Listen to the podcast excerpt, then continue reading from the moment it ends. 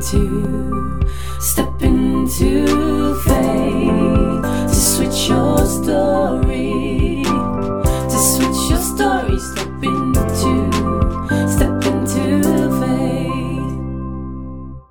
Hey hey, leuk dat je weer luistert. Ehm, vandaag wil ik je wat meer vertellen over ehm, onze story. Ehm, ik zal eerst beginnen met eh, wie ik nou ben. Ik ben Amelia, 39 jaar en ik woon samen met mijn man Stanley in Almere. En we hebben een zoontje, Rean, van op dit moment 7 jaar. En Stan en ik eh, kennen elkaar eh, via het internet. En dat was wel 1998 al. Dus ik praat echt over heel lang geleden. Dat is echt de beginperiode van het internet. Uh, dat was echt nog de tijd van de inbelverbinding. Dus um, uh, dat is een tijdje geleden. Maar um, we zijn toen in het begin eerst vrienden geworden. En uh, pas in 2007 kregen wij een relatie. En zo lang zijn we dus ook al bij elkaar. En in 2012 uh, zijn we getrouwd. En um, nadat we getrouwd waren, toen was, of nou ja, eigenlijk daar vlak voor al wel, uh, wisten we al wel, we willen heel graag proberen um, om wel snel een kindje te kunnen krijgen als het even kan en als het natuurlijk zo mag zijn. Dus vlak voor de bruiloft uh, ben ik gestopt met de pil. En um, uh, ja, dan is het natuurlijk wel even spannend. Wat gaat er nou gebeuren? En ik moet wel zeggen, zwanger worden of ja, überhaupt daarmee bezig zijn. Ik was er natuurlijk in die tijd, ik was er niet echt heel erg mee bezig, maar het was wel zo dat uh, zwanger worden voor mij niet iets vanzelfsprekends was. En dat had er gewoon vooral mee te maken dat uh, ik een zus heb die verloskundige is. En daarmee kreeg ik echt allerlei verhalen te horen over zwangerschappen, over alles wat goed ging en wat helaas soms ook niet goed gaat. Dus um, daar uh, kreeg ik al van alles over mee. Maar daarnaast had ik ook nog vier goede vriendinnen, vier, echt wel veel dus, goede vriendinnen van mij die al een aantal jaren probeerde zwanger te worden, maar waarbij het echt helemaal niet zo gemakkelijk was. Sommige in traject, sommige helemaal niet in een traject, maar uh, waarbij het soms gewoon ook niet lukte of er geen verklaring voor was. En dat maakte wel dat um, ik een zwangerschap um, wel echt al vanaf het begin eigenlijk altijd wel heb gezien als iets wat echt heel bijzonder is. En een gezonde zwangerschap, dat is toch ook wel gewoon echt iets bijzonders. Dus ja, hoe gezegend waren wij dus dat wij al binnen drie maanden zwanger waren. Dus um, in datzelfde jaar dat wij dus trouwden, um, met kerst kwam ik erachter dat ik niet ongesteld was geworden. En ik, was eigenlijk altijd, ik had eigenlijk altijd een hele uh, uh, regelmatige cyclus. Dus ik wist eigenlijk wel dat ik ongesteld moest worden met kerst. Nou, dat werd ik dus niet. Dus een paar dagen later deed ik een test. En ja hoor, gelijk positief. Nou, super, super, ja, mooi natuurlijk. En helemaal blij. En um, we deelden dat goede nieuws dan ook uh, met oud en nieuw, met, uh, met mijn schoonfamilie en uh, met, mijn met mijn ouders en met mijn zus, gewoon eigenlijk de directe familie. En ja, die zwangerschap die is toen eigenlijk ehm, heel goed verlopen. Uh, ik had dus ook nooit een miskraam meegemaakt. Um, um, alles in de zwangerschap verliep eigenlijk heel erg goed. En um, ik heb uh, heel lang van een zwangerschapsverlof kunnen genieten, want de kleine kwam er niet. Dus, en ik was ook uitgerekend eind augustus. Dus ja, je kan je wel voorstellen, dat was in de zomer. was het eigenlijk best wel lekker genieten, terrasjes pakken, met mijn dikke buik toen. En ja, bevalling is toen ook um, eigenlijk wel goed verlopen. Ik had wel een vastzittende placenta overigens. Dus daar moest ik toen wel voor naar uh, OK om dat eruit te laten halen. Maar goed, ik heb toen heel veel bloed verloren. Maar dat is eigenlijk allemaal wel goed verlopen. En um, alles ging eigenlijk wel goed. En wij hebben de jaren daarna eigenlijk best wel bewust even gewacht met, um, met de wens voor een tweede kindje. Toen uh, een jaar of twee was, ja, zullen waarschijnlijk heel veel ouders wel herkennen, was hij echt vreselijk op sommige momenten. En ik had daardoor echt wel een beetje in mijn hoofd met, ja, ik wist wel dat ik echt nog wel een tweede kindje wilde, maar ik heb daar wel echt bewust even mee gewacht. En ik dacht eigenlijk wel van, nou, het is eigenlijk wel prima als hij, als hij al ietsjes ouder is. En wellicht misschien ook wel als hij naar school gaat. Dan ehm, ehm, zou ik ook iets meer tijd hebben voor een tweede kindje. Om daar ook gewoon meer aandacht aan te geven. Dus um, dat gebeurde eigenlijk ook. We, toen uh, bijna uh, vier werd, dus in augustus 2017. toen zijn we eigenlijk uh, pas weer gaan kijken. Eigenlijk wilden we toen weer beginnen om te kijken of het zou lukken om een tweede kindje te krijgen. Dus um, ik had overigens tot die tijd dus een spiraal. Dus die heb ik er toen bij de huisarts uit laten halen. Ja, en dan um, hoop je natuurlijk gewoon eigenlijk elke maand weer uh, dat je een keer niet ongesteld wordt. En met Rean ging dat natuurlijk heel snel na drie maanden. Maar ja, ik wist natuurlijk zelf ook wel dat het gemiddeld, ja, uh, zou het wel een jaar kunnen duren, minimaal. Nou ja, je weet gewoon niet, je bent ook een paar jaartjes ouder. Maar ja, als het dan toch een jaar lang, elke maand eigenlijk toch wel een stukje teleurstelling is, dat je elke keer weer ongesteld wordt, ja, dan denk je na een jaar wel van, goh, wat uh, gaan we nou nu doen? Dus een jaar later, um, in september 2018, precies op mijn verjaardag, 17 september, zat ik bij de huisarts voor ja, zaten wij bij de huisarts, we waren wel samen, um, om wel te kijken van, nou, wat gaan we hiermee doen? En um, de huisarts die um, verwees ons door voor onderzoeken. Nou, dat duurde eventjes voordat wij in het ziekenhuis terecht konden. Nou, en uiteindelijk, na wat, na wat onderzoeken, konden wij in januari 2019 kwamen we er toen achter dat de zaadkwaliteit van mijn man helaas niet goed genoeg was waardoor we gelijk in een ICSI-traject terechtkwamen. En dat was wel even schrikken. Want ja, je denkt eigenlijk natuurlijk um, als je van een eerste kindje spontaan zwanger wordt, dat het met een tweede kindje ook wel moet lukken. Het is immers al, weet je, mijn lichaam had het immers al een keer gedaan, toch? Maar ja, nu bleek wel dat, um, dat het toch niet zo gemakkelijk zou gaan. En ja, de reden daarvoor, ja, dat konden ze eigenlijk niet zeggen. Kijk, dat we in een ICSI-traject terechtkwamen, betekende dus zaadkwaliteit uh, van mijn man is helaas niet goed. Maar ze konden dan niet zeggen of het dan um, uh, vier jaar daarvoor, um, toen met Rean, of dat toen ook het geval was. Want ja, dat hebben we natuurlijk in die tijd nooit laten checken. Dus we zullen het eigenlijk nooit weten. Dus ze zeiden ook van, ja, dus of Rean was een soort van lucky shot. En uh, eigenlijk een soort van gelukje. Of het was um, um, uh, in die tijd toch wellicht een stukje beter, de zaadkwaliteit. Want ze zeggen toch ook wel dat, tenminste dat zeiden ze tegen ons, de artsen, dat um, het zo is dat de zaadkwaliteit van mannen 35 plus achteruit kan gaan. Dat hoeft niet, maar het kan wel. Dus ja, we zullen het nooit weten. Maar goed, we rolden dus een ICSI-traject in. En dat was wel, ja, even wennen. Ook wel heftig. Maar aan de andere kant, um, ja, we stapten daar eigenlijk best wel met, um, ja, veel, met veel vertrouwen in. En dat komt ook wel een beetje doordat, ja, ik zei het al in mijn vorige aflevering, ik leef vanuit vertrouwen. En ja, hoe ik dat doe.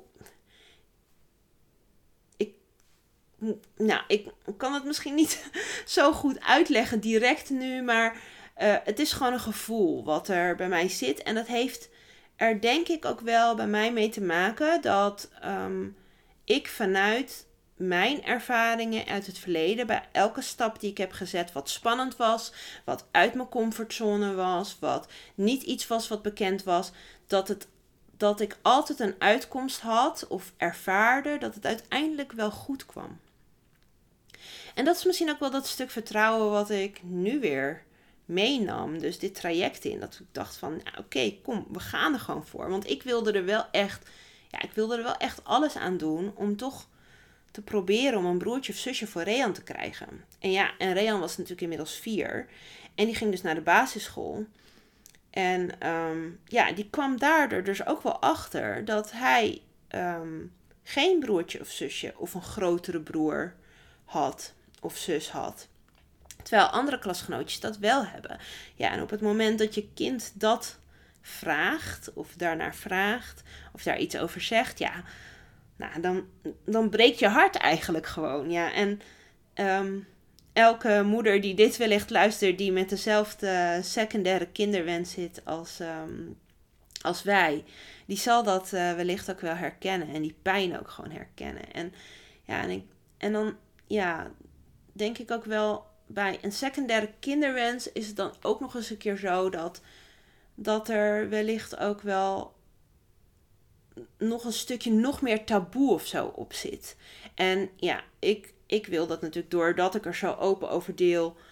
Uh, op mijn Instagram in ieder geval. Um, uh, ja, dat taboe echt doorbreken. En het heeft er vooral denk ik mee te maken dat vrouwen die al een kind hebben, dat die heel erg idee hebben met ja, maar ik moet toch ook gewoon dankbaar zijn voor wat ik heb. En tuurlijk, ik geloof ook, weet je, en iedereen is dat. Dat is dat natuurlijk ook wel. Maar als je die wens hebt voor een tweede kindje en het lukt niet, ja, dan is, zit die pijn daar toch wel echt.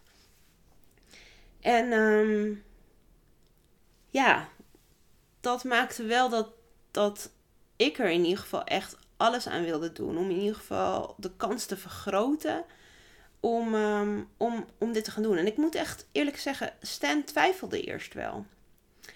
En, um, want hij had namelijk um, al eerder wel eens meegekregen over wat voor narigheid er allemaal bij kan komen kijken bij zo'n traject. En uh, hij twijfelde eerst wel of hij dit dan wel echt zo wilde. Maar toen we eenmaal erin zaten. Ja, en als je dan in die onderzoeken gaat, ja, dan rol je er eigenlijk al wel vanzelf in. Maar ja, toen hebben we er ook wel echt gesprekken over gehad om dit wel echt samen te doen. Want ja, immers ook zonder zijn hulp, dan kom ik natuurlijk ook niet zo ver. En ja, het is wel iets als je in zo'n traject stapt, je moet er echt volledig samen voor gaan. En wat dat betreft is het ook wel heel fijn als je een man hebt, zoals ik heb met Stan. Hij is gewoon hartstikke nuchter hij ziet echt dingen, ja, als dingen gebeuren, dan, ja, dan is het zo. En ja, en ik denk dat mannen daar misschien ook wel iets makkelijker in zijn dan vrouwen. Vrouwen zitten misschien toch nog, zitten natuurlijk sowieso al veel meer vol met hormonen en emoties. Uh, vrouwen bedenken ook meer behoefte om erover te delen of over te praten. Uh, misschien niet altijd open over te delen, maar soms wel gewoon behoefte om het met iemand te delen. En um, of dat nou een, je moeder is of uh, een, een goede vriendin soms moet je gewoon je verhaal kwijt. Dus, um, dus ja, dus ik denk dat daarin ook wel echt een groot verschil zit in hoe mannen en vrouwen met zo'n traject omgaan.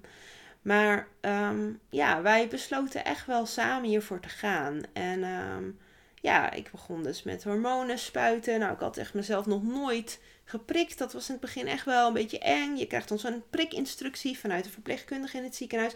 Die dan echt exact uitlegt hoe je het allemaal moet doen. Maar ja, als je het dan voor de eerste keer zelf moet doen, ja, dan is het wel even slikken. Maar ik dacht wel van, ik wil het wel echt zelf doen. Ik, uh, ze, ze vroeg ook, de verpleegkundige vroeg toen ook bij de prikinstructie van... Um, ga je het zelf doen of gaat je man het doen? Want er zijn ook heel veel mensen waarbij dan de man dan gaat prikken of de partner gaat prikken. Um, en in mijn geval, ja, ik wilde het gewoon echt zelf leren. Want ik wilde niet afhankelijk zijn van Stan. Nu is Stan best wel een beetje een huismus, dus die is meestal wel thuis. Maar uh, ja, ik wilde daar gewoon niet van afhankelijk zijn. Ik wilde het gewoon echt uh, zelf kunnen doen. En ja, dat um, heb ik dus ook gedaan. En ja, ik moet wel echt zeggen van, uh, het viel me eigenlijk wel mee hoeveel pijn het deed. Maar ja, het was wel zo dat als je dat een maand lang achter elkaar moet doen, op een gegeven moment dan word je het wel een beetje zat. Het gaat ook steeds meer pijn doen. Um, en um, uh, het werd gewoon steeds vervelender. En ik moet eerlijk zeggen, ik heb denk ik ook wel ergens misschien ook wel een beetje geluk gehad of zo. Want ik had niet heel erg uh, last van hormonen. Tenminste, ik vond het wel meevallen. Zou je misschien aan Stan moeten vragen hoe, het echt was. Maar ik denk dat het op zich wel meeviel met um, hoe, mijn, uh, hoe het ging met, qua mood swings en zo. Daar heb ik niet extreem last van gehad. En ehm, ja, je moet dan natuurlijk die eitjes laten groeien. En die moeten dan natuurlijk nog uitgehaald worden door middel van een punctie. Nou, dat is dan uiteindelijk ook gebeurd. Bij ons was dat uh, bij de eerste punctie, dus in uh, mei 2019, dat we uh, uiteindelijk zeven eitjes hadden ze eruit, had ze eruit gehaald. Tenminste, um, dat, um, dat gaf de fertiliteitsarts dan aan. Maar wij zitten dan in het Flevoziekenhuis in Almere en die werkt samen met de VU in Amsterdam. En um, wat er dan gebeurt is dan um, moeten die eitjes, die moeten dan door Stan meegenomen worden naar het VU in Amsterdam. Dus hij ging nog met de koffer met de eitjes naar de VU. Daar checken ze dan hoeveel eitjes het er echt zijn. En hoeveel er echt goed zijn. Uh, wat ze in eerste instantie kunnen zien, hoeveel er goed zijn. Um, en daar moet hij dan ook nog, um, ter plekke moest hij dan dus nog um, zijn zaad inleveren. Of zijn zaad produceren, noemen ze dat dan. In zo'n kamertje. Um, nou, heel fijn. Ja, ik was daar dus niet bij, want ik had dus net die punctie gehad. Dan moest ik dus echt even uitrusten. Dus ik was gewoon nog in het Flevo ziekenhuis in Almere. En hij ging dus naar de VU. En um, daar hebben ze toen bevestigd dat we uiteindelijk zes eitjes hadden. En van die zes eitjes um, zijn er toen uh, vier bevrucht. Ja, vier bevrucht. Dus we hadden vier embryo's, waarvan er één drie dagen later vers teruggeplaatst werd. En dan moet je nog van de andere afwachten um, of die goed genoeg zijn om ingevroren te kunnen worden. Nou, um, bij ons bleek dat uiteindelijk uh, gelukkig wel het geval. Dus er waren er namelijk al natuurlijk dus twee afgevallen dus van die zes. Maar van die andere vier hadden we dus nog wel drie die dus ingevroren werden. En um, uh, dus we kregen een verse terugplaatsing um, eind mei 2019. En de uitslag zou zijn op 12 juni. Maar Stan is op 11 juni is hij jarig. En ik had toen geregeld, want Stan werd op 11 juni 2019 werd hij 40. En ik had toen als verrassing geregeld dat wij lekker met z'n tweetjes uh, vier dagjes naar Ibiza konden op vakantie. Dus ik had aan de arts gevraagd: ja, kunnen we misschien toch een dagje eerder testen? Dus op Stense verjaardag op 11 juni, want dan zouden we nog in Nederland zijn. Nou, dat kon. Dus uh, diezelfde ochtend konden wij voor een bloedtest, uh, kon, of kon ik voor een bloedtest dus uh, terecht in het ziekenhuis. En toen kregen we die middag de uitslag. Dus dat was op Sten's 40ste verjaardag. En ja, en ik was zo vol vertrouwen, want alles ging op dat moment gewoon nog goed. Um, ja, we hadden dus die terugplaatsing gehad en we moesten, dan moet je dus ongeveer twee weken wachten. En um, ik had echt volledig vertrouwen. Ik was nog niet ongesteld geworden, maar ja, je krijgt ook wel, je krijgt ook nog van die pillen mee. Poesenbollen worden ze genoemd um, op Instagram. Maar goed, dat komt dus omdat het uh, pillen zijn die je vaginaal moet inbrengen. Uh, ja, echt wat je allemaal wel niet moet doorstaan in dit traject. dat, um, ja, nou ja, ik deelde dus gewoon in ieder geval open en eerlijk over. Heb je gewoon het hele verhaal als je dit luistert.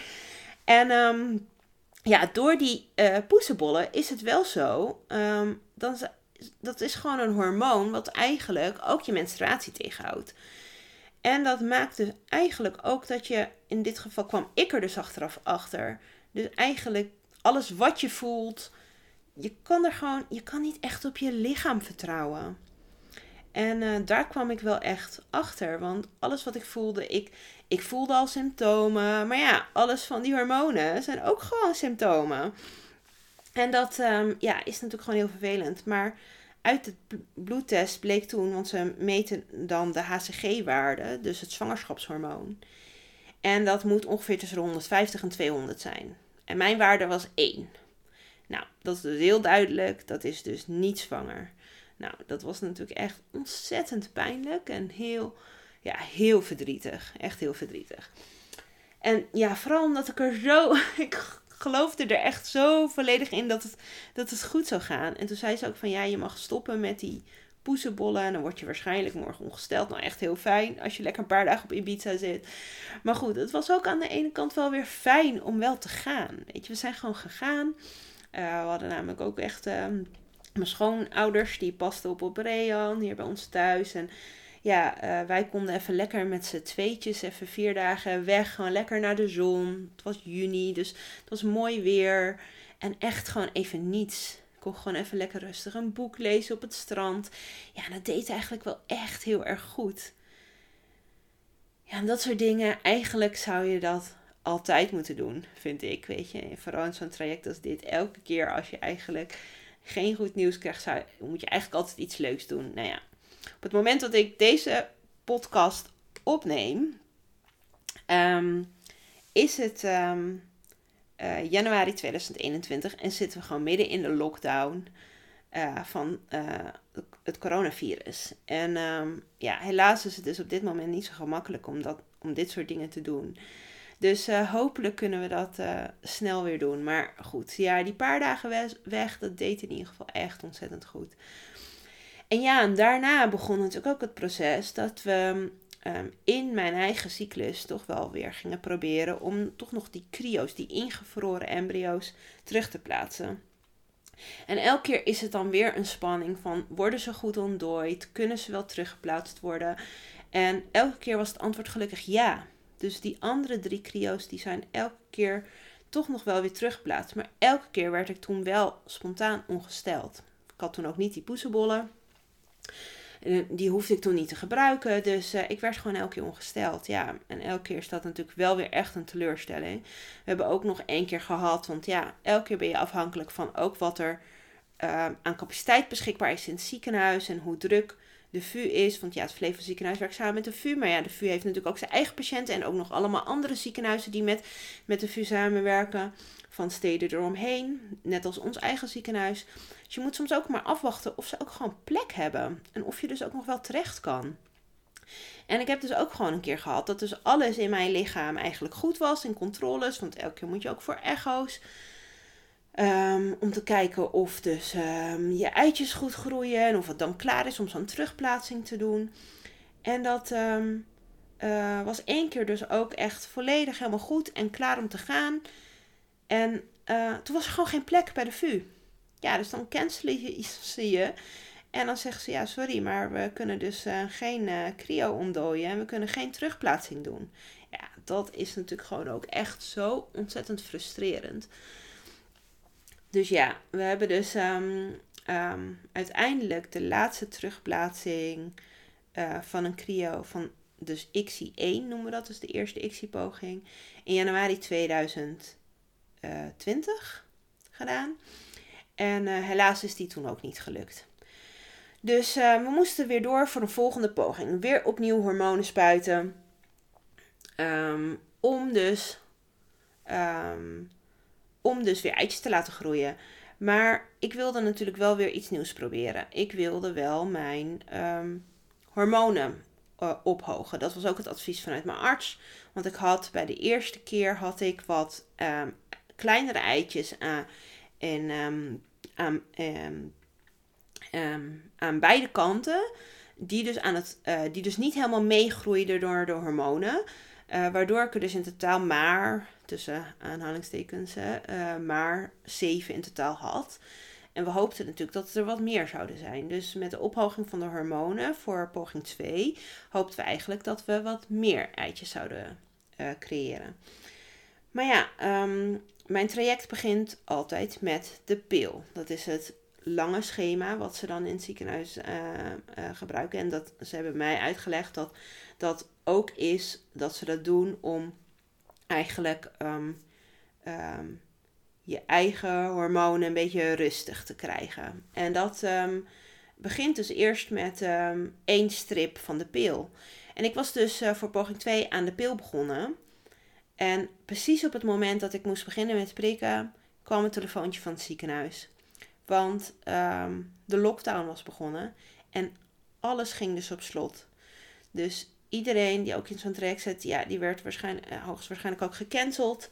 Ik weet niet hoe andere vrouwen dat toen hebben ervaren, maar ja, ik was echt ontzettend blij dat ik nog maar met de pil alleen was begonnen. En nog niet al, al die hormonen had geprikt. En dat je dan wordt gecanceld, nou, het lijkt me echt vreselijk als je dat moet overkomen.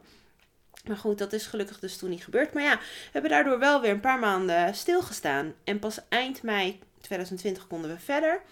En toen is in, ehm, eh, hebben we in juni de punctie gehad. Daar vijf eitjes, ehm, uiteindelijk vijf eitjes uitgekomen. Ehm, of nee, vier eitjes uitgekomen. En ehm, ehm, een verse terugplaatsing ook gelijk. En die verse terugplaatsing, die was dus gewoon opeens goed. Die zag er ook gewoon heel goed uit bij de terugplaatsing. En ja, ik weer met mijn volle vertrouwen volledig voor gaan. En eh, ja, die was dus opeens gewoon goed. Dus wat gebeurde 5 augustus 2020? Nou, Ik vergeet het gewoon echt nooit meer. Ehm, belde ik voor mijn bloedtest die ik die ochtend had gedaan. En ik stond gewoon ehm, in Ouwans Dierenpark. Want we waren gewoon lekker een dagje naar de dierentuin met mijn ouders. Het was natuurlijk zomervakantie. En ehm, eh, ik bel dus eh, voor de uitslag. En de verpleegkundige zegt... eh, gefeliciteerd, je bent zwanger. Nou, mooier nieuws kan je natuurlijk niet krijgen. Dat is natuurlijk echt... Nou, het was gewoon echt voor het eerst in drie jaar dat het was gelukt. Nou, dat was natuurlijk gewoon zo ontzettend mooi en zo ontzettend fijn om te horen dat het gewoon weer een keer gelukt was. Eh, dat mijn lichaam dit blijkbaar toch nog wel weer kon. En ehm, ja, ik was gewoon zo dankbaar dat, dat, het, dat het gelukt was. Eh, Ja, echt niet in woorden te beschrijven hoe blij we waren. Maar ehm, helaas was dat van korte duur. Tenminste, ik heb drie weken op een soort van roze wolk geleefd. Wel vol zenuwen, want het duurt dan zo ontzettend lang voordat je je eerste echo dan eindelijk hebt, drie weken later. En bij zeven weken en twee dagen hadden we dan de eerste echo. Dus dan ben je zeven weken zwanger. ehm, en toen kreeg ik dus de echo. ehm, maar, en het was bij de verpleegkundigen. Ze waren er allebei, twee verpleegkundigen.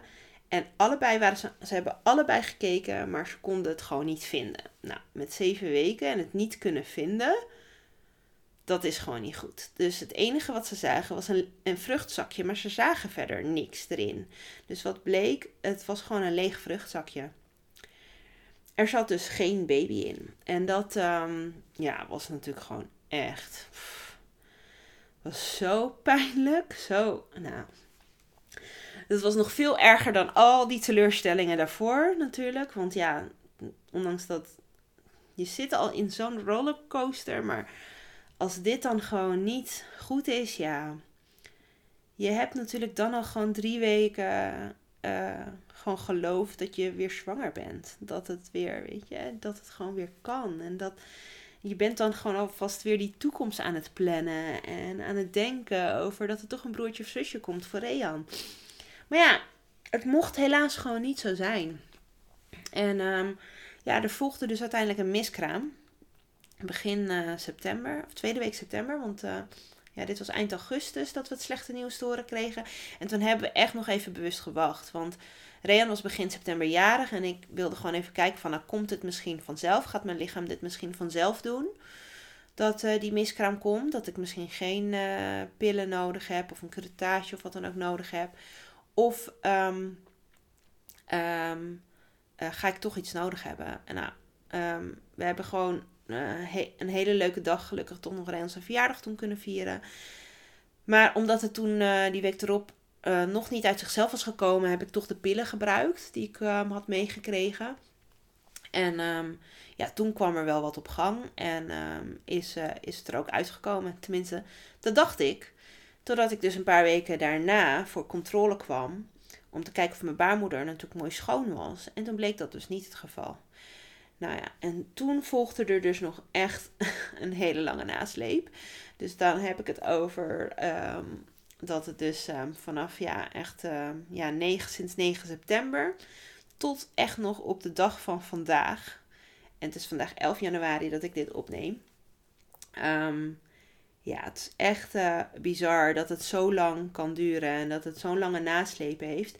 Maar daar ga ik nog wel e- in andere afleveringen verder over delen. Want anders wordt deze aflevering echt veel te lang. Want ik ben al volgens mij een half uur aan het kletsen. Maar ehm, ja, ik, Ehm, ik voel me op dit moment wel goed. Nou, dus de afgelopen weken zijn ook, is er ook weer zo, zijn ook weer gekke dingen gebeurd. Maar ja, ik hou toch wel, ik zorg er toch ergens voor dat, ehm, dat ik mezelf niet gek maak of zo. Weet je, en ik, ik deel natuurlijk echt uh, heel open op mijn Instagram mijn hele verhaal. En ik deel alles aan vrienden en familie. En iedereen leeft echt zo mee. Dat is gewoon, ja, voor mij is delen helen. Dat is echt, dat is gewoon echt zo. Het helpt mij gewoon heel erg door erover te delen. En ik krijg zoveel lieve reacties, ook van vrouwen die ik helemaal niet eens ken of die ik nog maar eens kort ken. En ja, op Instagram is er natuurlijk ook zo'n hele soort van community van wensmoeders.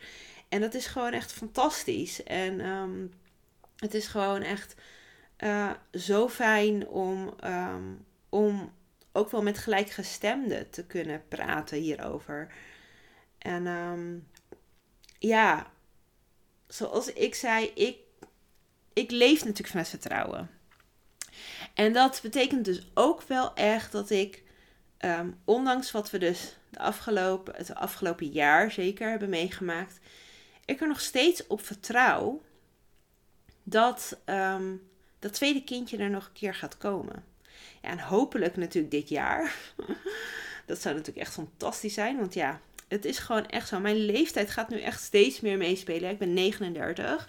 Dus um, ja, zoveel tijd hebben we ook gewoon niet. En iedereen die net zo oud is als ik, begrijpt dat denk ik ook heel goed. En um, zelfs als je jonger bent, kan je dat denk ik ook gewoon helemaal voorstellen. Want ja, zelfs als je begin 30 bent, kan je misschien wel het gevoel hebben dat je helemaal niet meer zoveel tijd hebt. Terwijl je dat weet dat je die jaren echt nog wel hebt. Maar ja, de kansen worden natuurlijk gewoon steeds kleiner. De, de, er is natuurlijk ook gewoon gebleken dat de, kans op miskramen ook, ook groter uh, is bij ouderen, tussen aanhalingstekens vrouwen. Nou zit ik niet zo met mijn leeftijd, maar um, ja, dat is gewoon zo. Maar toch, toch hou ik dat vertrouwen. En um, ja, dat is echt een hele bewuste keuze dat ik dat vertrouwen echt heb. En um, ik, ik, laat me namelijk, ik laat me namelijk niet graag gek maken door alles wat er allemaal gebeurt. Uh, sommige dingen die gebeuren dus en dan kan ik er gewoon niks aan veranderen. En um, als, als ik er niks aan kan veranderen, dan laat ik het ook echt los.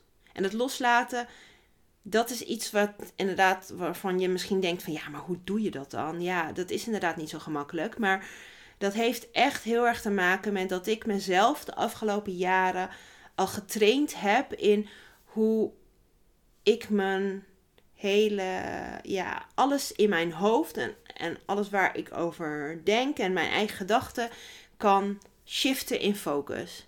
Ik zorg dus dat ik een focus heb op andere dingen. En dat betekent niet dat ik het wegstop. Zeker niet dingen die echt pijn doen, want ik laat die er echt zijn. Ik laat er ook echt uit. En, ik bedoel, ik heb ook echt wel huilbuien en al dat soort dingen. Die zijn er ook echt wel. Ik heb echt niet alleen maar goede dagen. Ondanks dat ik over het algemeen alles wel, weet je, heel positief benader. Maar die zijn er ook echt wel. En die laat ik er ook echt zijn.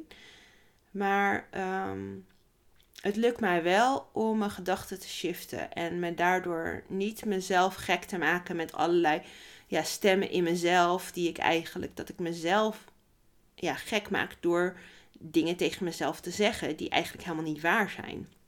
En um, dat is misschien ook wel iets wat ik je dan toch nog ergens ook wel mee zou willen geven of zo. Als je in dit traject zit.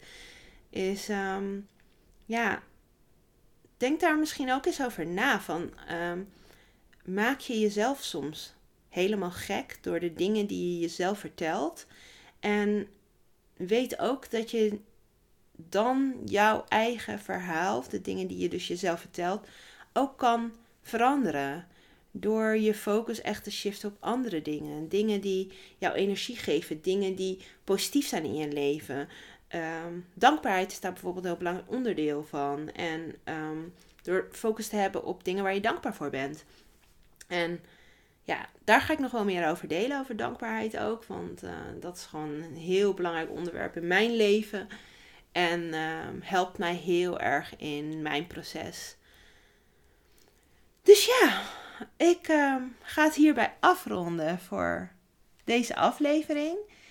En dank je wel weer voor het luisteren. Zeker als je tot het einde hebt geluisterd. ik wens je een hele mooie dag. En uh, tot de volgende aflevering. Leuk dat je hebt geluisterd naar deze aflevering van Amelia Stegwij podcast. Wil je meer weten? Kijk op ameliastegwij.nl of volg me op Instagram, Amelia Stegwij. Vind je dit een leuke podcast? Dan zou je mij natuurlijk enorm helpen door een review achter te laten, zodat podcast beter gevonden wordt en ik hopelijk nog meer mensen mag inspireren. Alvast heel erg bedankt en tot de volgende aflevering.